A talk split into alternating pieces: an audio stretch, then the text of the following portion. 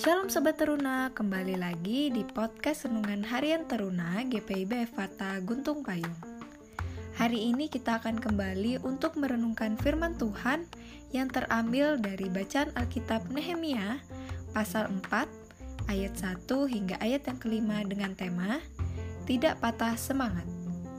Namun sebelum itu Sobat Teruna boleh nih untuk berdoa dan membaca bacaan Alkitab hari ini.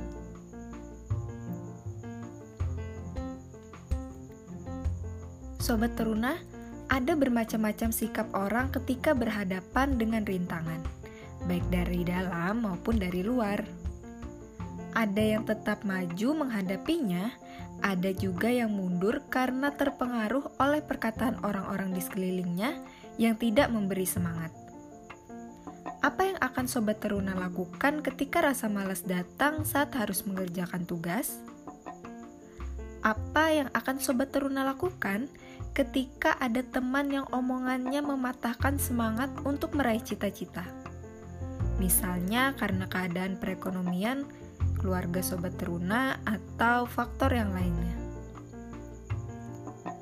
Pembacaan Alkitab pada hari ini menceritakan tentang pertentangan yang dilakukan oleh Sanbalat, yaitu Gubernur Samaria.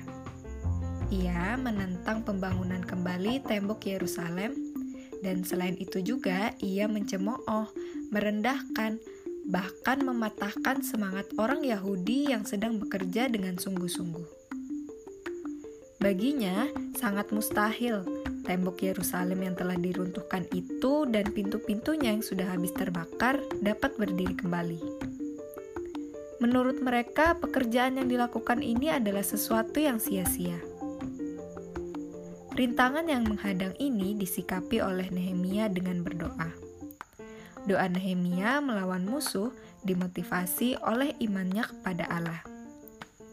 Selain itu, ia berdoa juga karena didorong oleh kasihnya kepada pekerjaan Allah dan umatnya.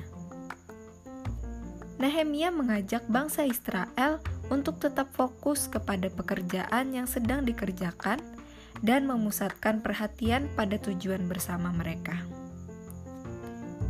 Sobat teruna yang dikasihi Allah, jangan takut untuk menghadapi rintangan yang menghadang terhadap apa pun yang sedang kita kerjakan. Ingatlah tindakan yang dilakukan oleh Nehemia. Jadi, jangan lari dari tantangan tersebut, melainkan bawalah semua permasalahan tersebut dalam doa. Kemudian, tetaplah fokus mengerjakan tugas sobat teruna. Jika ada orang yang mengejek cita-cita mulia sobat teruna, jangan terpengaruh dan menjadi putus asa ya.